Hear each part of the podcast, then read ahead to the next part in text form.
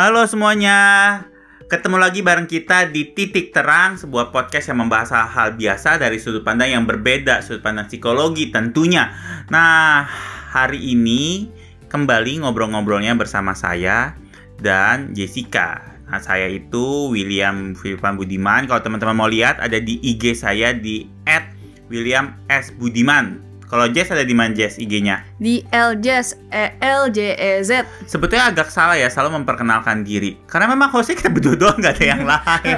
Kayak kesannya ini sering diputer-puter gitu ya. Ya siapa tahu ada yang orang nyasar ng- langsung ngekliknya tuh bukan yang awal-awal. Oh, benar juga sih. Ya Nah, betul. ah. Oke, hari ini kita akan membahas tentang satu topik yaitu yang ke K-pop K-popan gitu Wis ya. ke K-pop K-popan. Jadi basically ya Jess ya, Ya. gue itu memang belakangan ini gitu baru enggak gue itu baru terpapar dengan dunia K-pop. Hmm. Jadi eh ini official announcement lah ya Asik gimana. amas. Ya bahwa gue itu adalah seorang bling gitu. Iya, blinke. Blink ya. Har- nggak bisa harus ngomongnya ala Korea blinke. Blink gitu ya. Yes. Ya, gue suka sama si Blackpink gitu. Asik. Yang gue cukup sedih kenapa dia punya konser di Desember lalu gagal gitu kan. Kan tetap jadi di Iya tetap Januari. jadi kan cuman waktu itu kayak ya why gitu kan.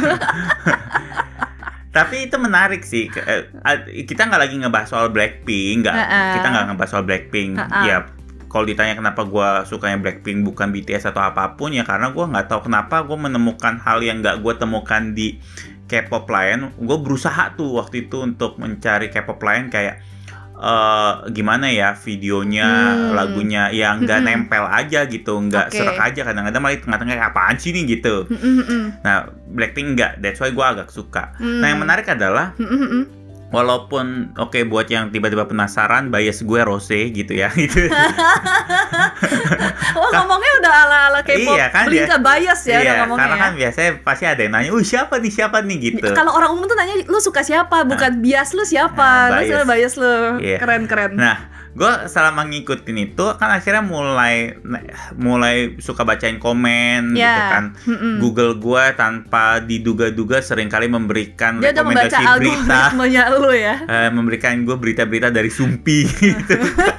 Udah mainannya sumpi gue ini apaan sih nih gitu kan ya nah menurut gue gue menarik itu gue ngelihat kayak ternyata orang-orang yang di K-pop itu suka kadang-kadang demi demi apanya ya demi demi idolanya itu kayak suka agak lebay gue bilang Hmm. karena kayak bisa ada yang ya dari hal yang simpel lah gue Mm-mm. suka sama satu orang itu kayak kesannya kalau dikritik langsung berantem ngajak berantem gitu Hmm. kayaknya kayak wah parah banget dia nggak Iya, diundang iya. di mana pokoknya hal sedetil apa pun jadi personal gitu Oh iya iya. jadi kayak kayaknya lu yang dihina gitu sampai sakit hati gitu atau enggak ketika misalkan idolnya melakukan satu hal yang bikin lagu aja Ha-ha. Blackpink aja kemarin ngeluarin lagu Ice Cream itu apa yang nggak banyak yang marah gitu kayak Hmm. ini apa sih bla bla bla kesannya kayak dia yang bikin lagu gitu Mm, mm, mm, mm. sebetulnya kalau gue pikir-pikir kayak fans bola juga gitu gitu fans MU juga eh, sekarang kayak parah aja gitu gue benci banget kalau bacain Twitter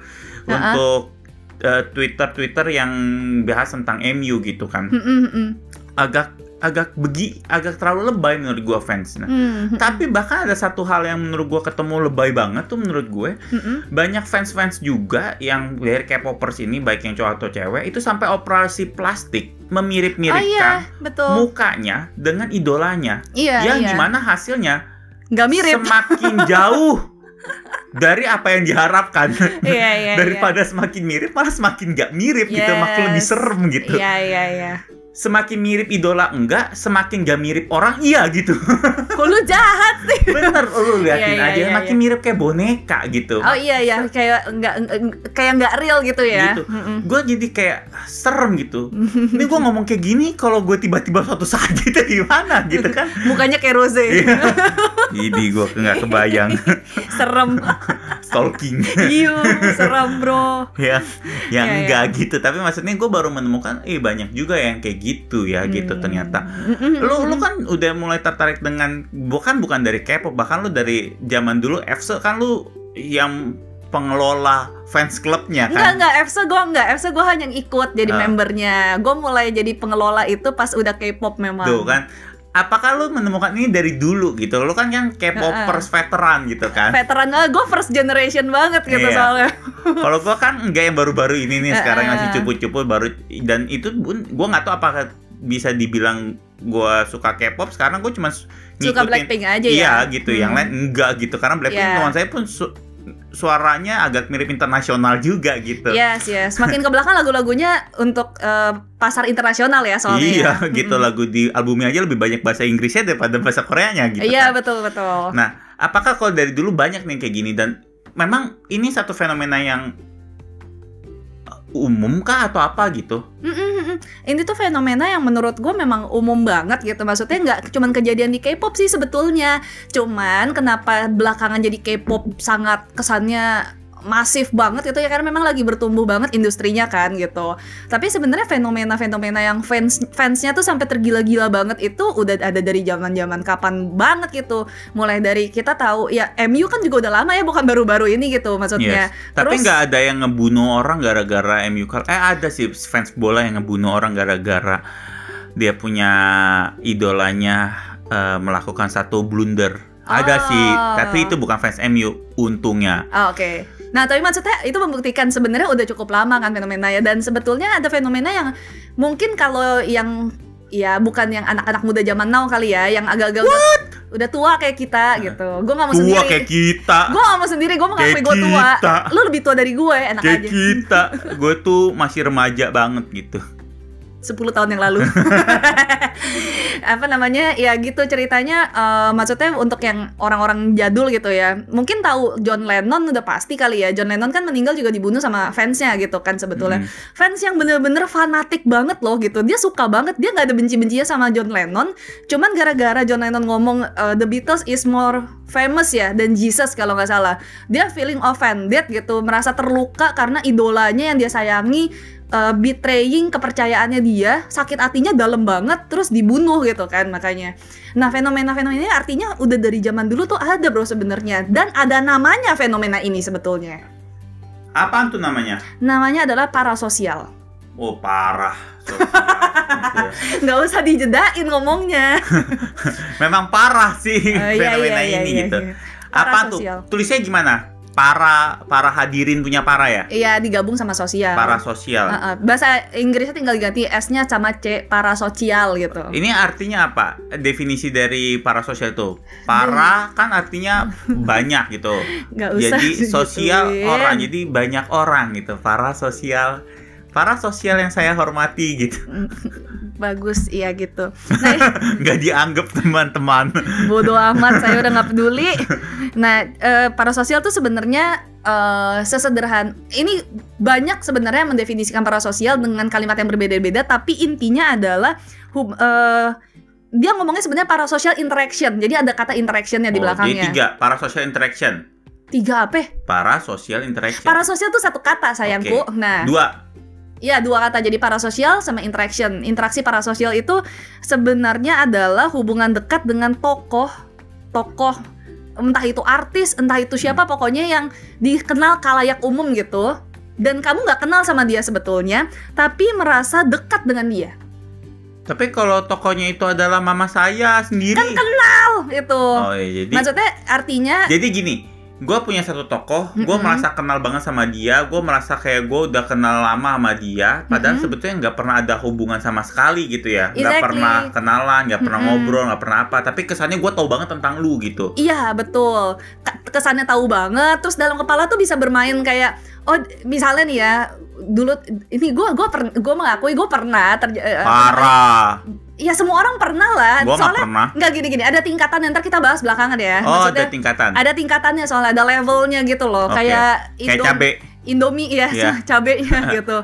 Nah, si maksudnya kita pasti pernah dalam hidup kita mengalami satu atau dua momen eh, kit- eh, fenomena parasosial ini gitu. Parah. Boleh nggak kan Oh, iya, ngomongin iya, parah boleh. mulu?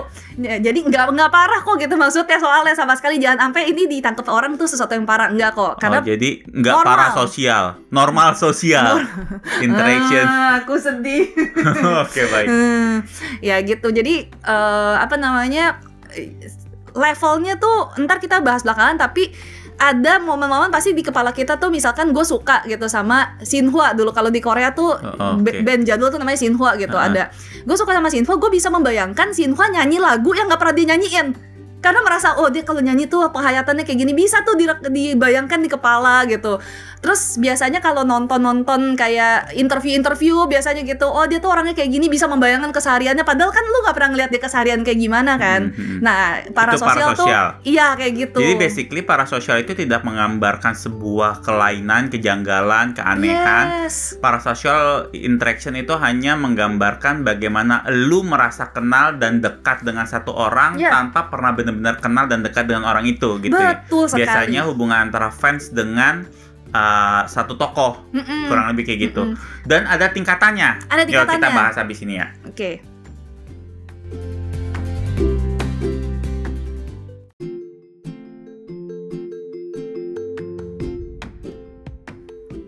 Oke, level pedes pertama apa nih tingkatannya? Eh tapi sebelum kita masuk ke level sebentar ya. ah, kayak gini kan.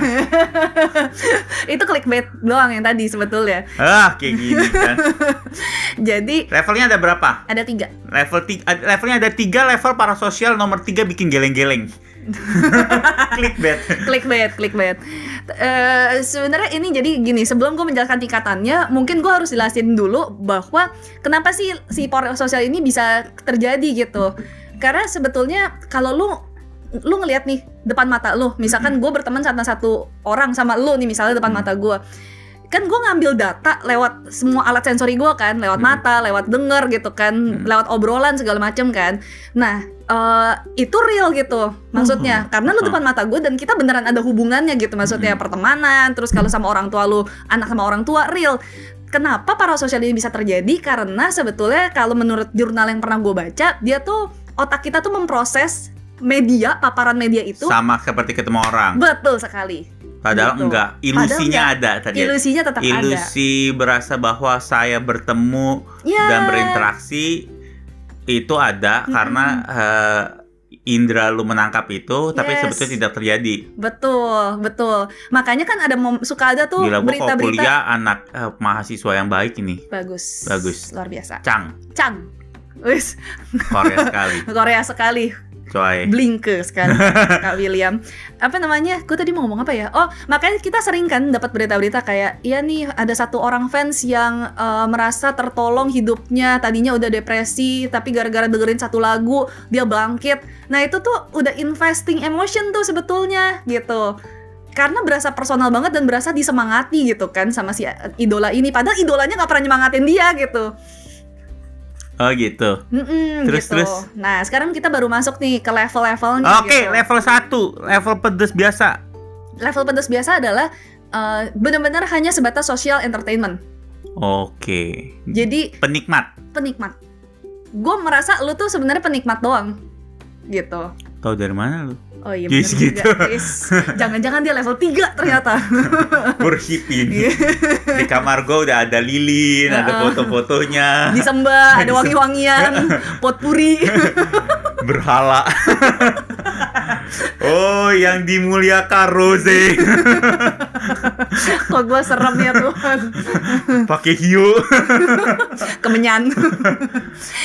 ya itu menurut gue sih lo so far menurut gue social entertainment eh, itu as eh, as in apa ya artinya lu penikmat lu menikmati lagunya ya tahapnya collecting lah ya collectingnya pun bukan yang hardcore yang sampai demi apa dibeliin Collecting semuanya apa? album misalnya beli gitu Sekarang nggak perlu collecting, download kan gratis Iya. di Spotify. ketahuan kan Kalau nggak Spotify gratis karena lu bayar, lu Oh, tuh iya, yang bener. yang belum bayar, gue mah eh gue udah bayar enak Oke, aja baik. nah terus ya maksudnya eh, collecting kalau dulu album kalau sekarang ya mungkin lu jadi playlist gitu masuk maksudnya ke playlist, Ha-ha. lagu-lagunya jadi Iya, playlist. sederhana penikmat sih sebetulnya gitu. Eh, Jadi se- demen nontonin reaction tentang Blackpink gitu. ya, ya, itu masih Collecting penikmat. gitu ya? Iya, betul. Itu masih social entertainment Mm-mm. gitu. Nah, eh, level 2-nya kita naik nih. Mm, udah agak pedes gila. Eh, lumayan pedes gitu. Ah. Itu adalah intense personal feeling. Nah, ini yang baperan tadi. Oh. Diserang kayak seolah-olah emak lu yang keserang gitu. Oke, oke. Ini Kayaknya punya kewajiban Mm-mm. untuk melindungi orang itu gitu. Nah, betul. Kok jadi kayak kita lagi ngomongin ormas-ormas ya? Agak mirip gitu. Eh bisa loh, karena kan Bisa. sebenarnya walau Sama ya? sama gitu maksudnya orangnya ada nyata tapi kan kamu nggak bener-bener pernah ngobrol satu persatu setiap hari sampai kamu tahu kehidupan dia gimana sehingga kamu bela-belain gitu intense Hmm. personal feeling Gua rasa ya sekarang memang zamannya sekarang kayak politisi gitu juga mulai menjual dirinya kayak kayak idola, idol. Ah, betul makanya kan sebetulnya banyak teknik-teknik marketing yang nuansanya adalah kamu jadi seolah-olah ngebela dia atas dasar kamu kayak seolah-olah kenal orangnya gitu Mm-mm. eh, teknik marketingnya dia bikin video yang nuansanya adalah sehari-hari, vlog-vlog kayak gitu supaya kayak kena kesannya tuh deket sama kita. Nah itu makanya menurut menurut gue pribadi ya bro ya, Blackpink tuh cerdas banget man- memanfaatkan fenomena fenomena parasosial. Fenomenanya dari zaman dulu kan ada, tapi nggak ada pernah artis-artis Korea yang bikin kayak Blackpink House, 24 361, ya 361. 365, Nah ya 361 tuh kenapa satu tahun 361 ya? Blackpink Diaries. Nah, kayak gitu. Oh, kayaknya lu level 2 deh. Nggak jadi deh, kayaknya lu bukan level 1 nih sampai tahu Summer. Holiday-nya Nah. Blackpink pertama ke Hawaii 2018, Tuh kan, 2019. Lu level 2. lu level 2 fix. Eh, level 2 tuh bukan artinya lu jadinya baper Nyongbyong. ya. Maksud gua apa? Light stick. Light stick gitu.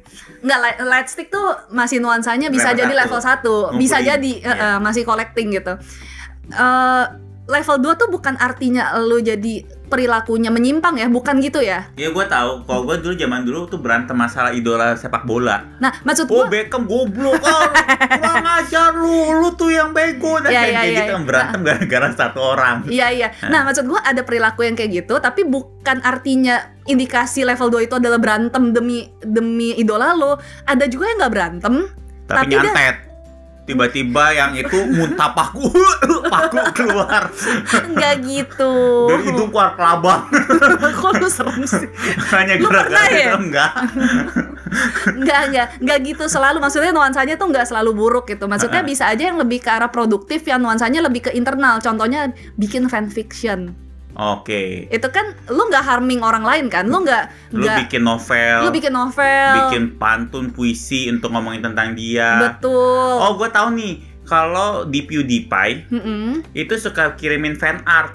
Nah, fan art masuk salah satunya. Jadi dia kirimin ke PewDiePie eh, subreddit Mm-mm. gambar-gambarnya PewDiePie Ya. gitu yang saat dia gitu bikinin Mm-mm. eh, pedang pedang yang ada dia punya warna color paletnya si PewDiePie Ya, kayak gitu ya. ya. ya, ya, Gua itu kan ada personal feelingnya, Yes. tapi nggak harming orang lain kan. Lu doing something yang lebih daripada hanya sekedar ngikutin dia, effortnya gede, mungkin keluar uang juga, keluar Iya, energi juga betul. demi orang itu. Padahal dia nggak nggak akan mungkin nggak menggunakan itu, dia Iya. nggak tahu kayak gitu kan. Betul, betul, Yes, betul. paham. Lu, lu paham ya sampai Yes, sana yes. ya, gitu. So nggak pasti harming ya. Jadi pasti para harming. para sosial ini tidak satu kejadian netral gitu ya, satu kejadian netral, yang betul. yang wajar dialami Yes, dan tingkatan itu juga bukan artinya buruk. buruk dan langsung ini parah, tetapi Intensitasnya aja sih. Ya, eh, Mm-mm. kita bisa menjelaskan orang di sekitar kita, fenomena di sekitar kita dengan ini gitu lah ya. Iya betul. Menurut gua eh ya ada masa-masanya lah. Setiap orang bisa kayak gitu gitu. Gue juga pernah ada di masa itu. Orang gue fans K-pop dari tahun 2003 udah 17 tahun yang lalu gitu. Gue pernah jadi pembaca fanfic. Gue pernah nulis fanfic. Gue bahkan pernah nulis lagu yang isinya semua judul lagunya Sinhwa ada dalam satu lagu. Hebat gak gue? Bro, please temenan sama gue ya. Jangan. Gue bikin juga yang isi semua lagu Blackpink. itu gue diam bukan artinya lagi menjauhi mikir lu. ya? Terinspirasi. Menarik sekali obrolan hari ini ya.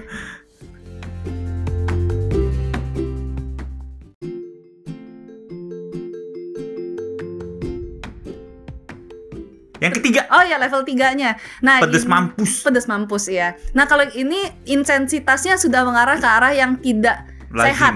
Tidak- sehat Oke. namanya aja udah Terobsesi. terobsesi tapi terobsesinya udah harming ya bro ya Ah. obsesinya nggak sehat artinya ya namanya obsesi udah pasti nggak sehat ya obsesi Eh, judulnya adalah mild pathology Jadi bahkan judulnya aja tingkat ketiga itu adalah gangguan ringan Iya, gangguan ringan nah ini gangguan ringan tuh maksudnya terhadap diri sendiri dan lingkungan biasanya. Yes, ketika lu sudah mengganggu diri lu sendiri, lu udah nggak bisa berfungsi tanpa adanya keberadaan si idola ini mau kayak so- lu jadi kecanduan yang akhirnya nggak sehat, jadi neglecting your uh, apa ya kerjaan, kewajiban lu performa menurun dan sebagainya gitu. Terus mungkin lu jadinya Sampai lo operasi plastik kayak operasi gitu-gitu. plastik kayak gitu misalnya atau bahkan harming idola lo. Kan ada tuh fans yang suka nyangkar-nyangkar idolanya gitu.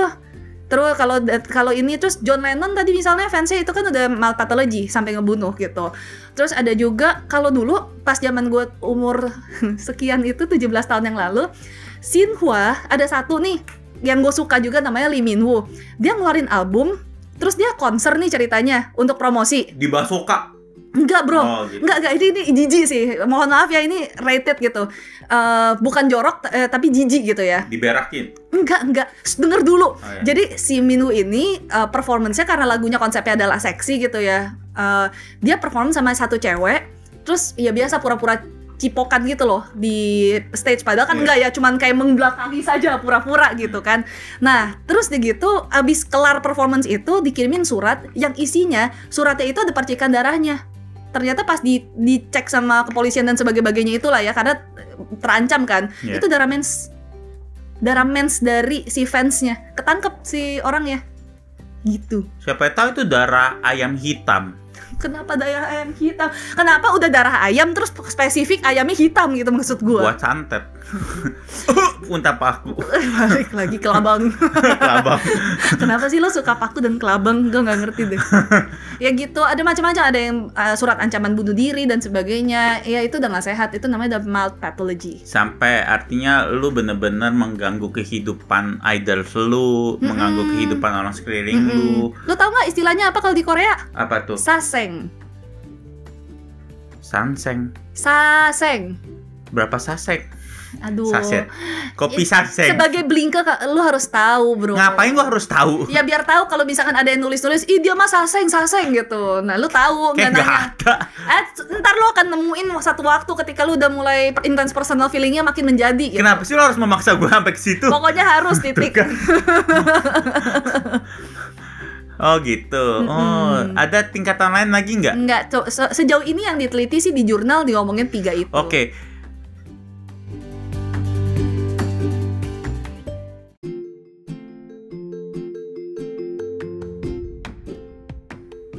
Gimana caranya supaya kita bisa terhindar dari jadi malpatologis gitu? Menurut lu ya gitu. Hmm, Ada nggak? Kenapa orang bisa sampai begitunya gitu? Pertama, dan ada nggak cara supaya kita nggak nyampe di sono gitu? Kan Oh. kan pasti kita akan punya idola juga kan. Apalagi sekarang zaman sekarang kalau lagi pemilu, Hmm. pilkada Mm. dengan kemampuan branding yang sudah semakin maju, Yes. kemampuan Teknologi juga semakin teknologi maju untuk me- me- menyebarkan membantu itu. proses branding dan kawan-kawan dan dan semakin proses brandingnya itu semakin pintar te- strateginya semakin Ya. Nuansanya kayak gue kenal banget gitu kan orang jadi semakin militan tuh mendukung Yes. satu orang padahal iya sih itu lu kena kena digun di bukan diguna-gunain lu dimanfaatkan aja gitu Mm, mm, mm. aspek psikologis lu untuk akhirnya jadi sampai kayak lu malpatologis lah sampai bener-bener ini banget ada nggak cara kita supaya nggak ke sana gitu Hmm, eh, kalau yang sempat gue baca dan sempat gue juga brainstorm juga waktu dulu di kuliah soal parasosial. Eh, pertama, kesimpulan gue adalah satu dengar titik terang episode ini. Maksudnya adalah bagus ya gue. debak Debak bro, luar biasa William. Gak maksud gue menyadari menya- menyadari adanya fenomena ini walaupun gak tahu namanya parasosial, maksudnya aware terhadap oh kayaknya gue terlalu tergila-gila nih, oh kayaknya gue gue kok sangat into this thing ya gitu, gue kok sangat mengelu-elukan orang ini ya itu menyadari proses itu menjadi penting menurut gue. dan kedua adalah menyadari bahwa orang yang yang orang-orang yang di sana gitu Mm-mm, ya mm-mm. mereka juga menggunakan eh, kecenderungan psikologis kita untuk bisa membuat Ya. kita jadi kehook sama dia, Betul, kecantol sama kecantol. dia. Jadi bahwa lu bisa ter- terjaring dalam fenomena ini para sosial Mm-mm. dan mereka juga aware bahwa gue bisa menggunakan ini untuk mencantol lu itu selalu ada gitu ya. Iya betul betul itu pertama aware. Terus yang kedua adalah Jadi maksud gue kalau lu dia sadar bahwa lu bisa nyantol dengan strategi ini, Ha-ha. belum tentu apa yang lu lihat itu adalah yang benar. exactly betul. Nah artinya itu masuk ke yang kedua bahwa lu harus bener-bener kritis. Ini pentingnya critical thinking menurut gua. Lu harus mengkritisi mana fakta yang ada depan mata, mana fakta yang bermain di kepala lu. Hmm. Itu itu poin penting banget yang pernah gue baca di satu sumber gitu. Eh, dulu jurnal siapa yang gue baca gue lupa lagi. Jadi dia bilang bahwa eh, karena prosesnya sama seperti lu dipaparkan dengan ketemu orang langsung gitu walaupun itu lewat media tidak langsung yang depan mata lu bener-bener artinya lu harus bisa punya garis pemisah mana yang terjadi secara real mana yang lu tahu dan sebenarnya itu ter itu otak lu yang ngebuat gitu maksudnya Mana fakta, mana opini dari kepala lu. iya Karena masalahnya otak kita suka mengisi kebolongan fakta dengan betul opini sendiri Betul. yang ujung-ujungnya dipercaya itu sebagai fakta. Heeh, heeh, betul betul. Gitu ya. Ini kan prinsip psikologi kalau ada teman-teman dari psikologi ini prinsip Gestalt, gestalt, kan iya. gitu. Dan- ada ti- titik tiga gitu. Orang langsung ngomongnya adalah segi- segitiga gitu Iya. misalnya. Dan basically itu juga teknik yang digunakan dalam hipnosis. Betul. Orang yang hipno hipnosis kan gitu, dia hanya ngomongin eh, ngomongin sebuah sugesti yang sangat sangat rancu Sangat rancu, general banget Eh, dan itu yang mengisi titik-titiknya ya kepala kita. iya Mm-mm. dan dia jadi dia yang mengsugesti dirinya sendiri Betul, betul. gitu. That's why juga makanya nggak heran kalau banyak orang yang tergila-gila gitu kayak orang kena hipnosis gitu. Iya. Ngebela membabi buta kayak otaknya nggak ada gitu. Mm, mm, mm, Ya karena Betul. mungkin jadi dia nggak bisa membedakan itu ya. mm, mm. Mana yang benar-benar data yang gue punya, mana yang gue lagi ngebelain mati-matian atau menyerang mati-matian. Iya, sekarang gini, eh, pernah tuh gue ngeliat eh, ini fans militannya eh, artis Indonesia kita yang berkiprah di luar negeri itu. Agnes Mo, Iya, betul sekali. Jadi gue pernah lihat ini jing jing. kadang-kadang gak ada logika. Ah, exactly kan? bener. nah, gue pernah lihat di Twitter ada ya pernah kalau nggak salah salah sa- siapa gitu yang nge- ngomongin Akmon gitu ya, fansnya kan langsung nyerang-nyerangan tuh yang anti fans sama yang fansnya gitu. Nah itu tuh kayak kalau lu liatin ya.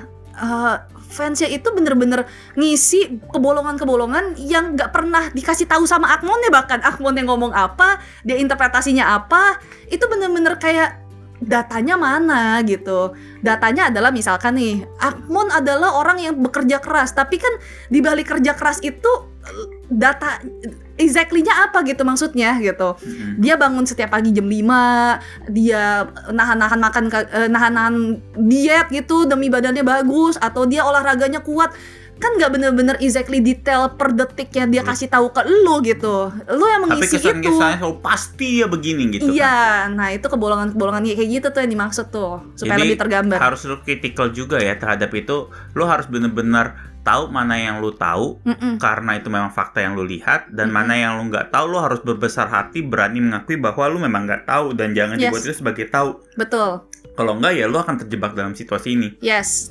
Nah, terus yang ketiga menurut gue ini juga akan membantu untuk mengurangi intensitas personal feeling kalau lu sadar bahwa kayaknya gue terlalu terlarut nih gitu ya. celupin pala lu ke air Betul, mandi dulu. Apa namanya menurut gue build the real connection gitu maksudnya. Build the real relationship gitu.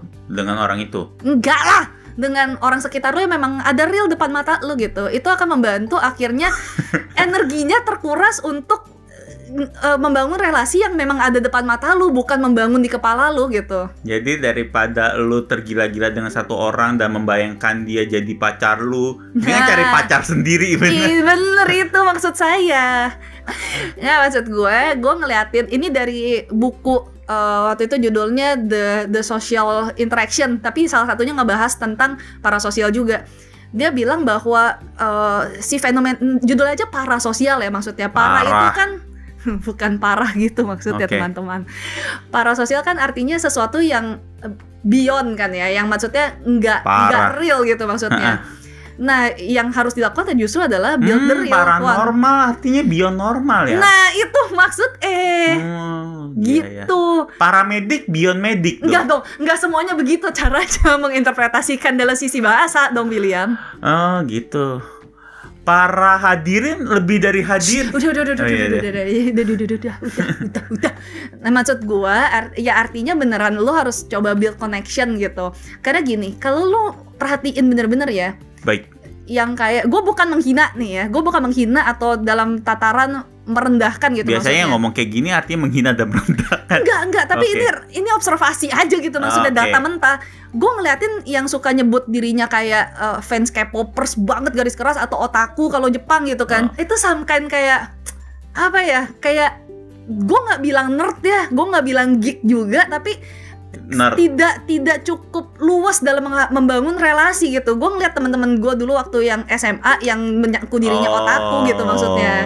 Lu paham gak sih maksud gua? Oh, iya. Jadi artinya ya sebenarnya supaya lu tidak Jadi, terlalu ke sana ya lu Sering bangun gitu. Seringkali ke awkward keawkwardan dia dalam membangun hubungan sosial Ya, terproyeksi dengan akhirnya dia membangun dengan hubungan sosial yang tidak nyata hmm, exactly dengan maksud gue itu. dengan salah satunya dengan para idola-idola dan kawan-kawan. Iya iya. Jadi sekarang lu lebih luasin dalam inter- the real interaction Iya. sehingga intensitas yang itu akan lebih turun gitu betul kan ya. Sip. betul. Ya pengalaman gue, gue begitu punya pacar ya gue udah nggak terlalu suka minum.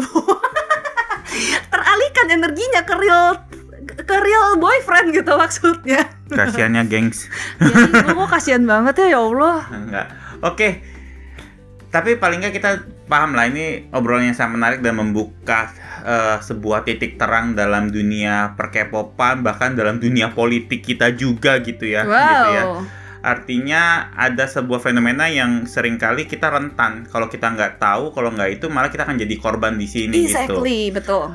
Jadi supaya kita bisa sadar terlepas itu kita sadar ada yang namanya hal ini dan sering kali ini malah digunakan oleh pihak-pihak lain untuk menarik kita gitu ya. Iya, nah, betul. caranya tadi kita udah belajar deh. Semoga hal ini bisa membantu kita untuk lebih mawas diri, lebih Nah. eling lah gitu ya. Menikmati sesuatu boleh, eh, merasa punya idola boleh, tapi jangan sampai merugikan diri sendiri, orang lain, apalagi idola kita sendiri gitu ya.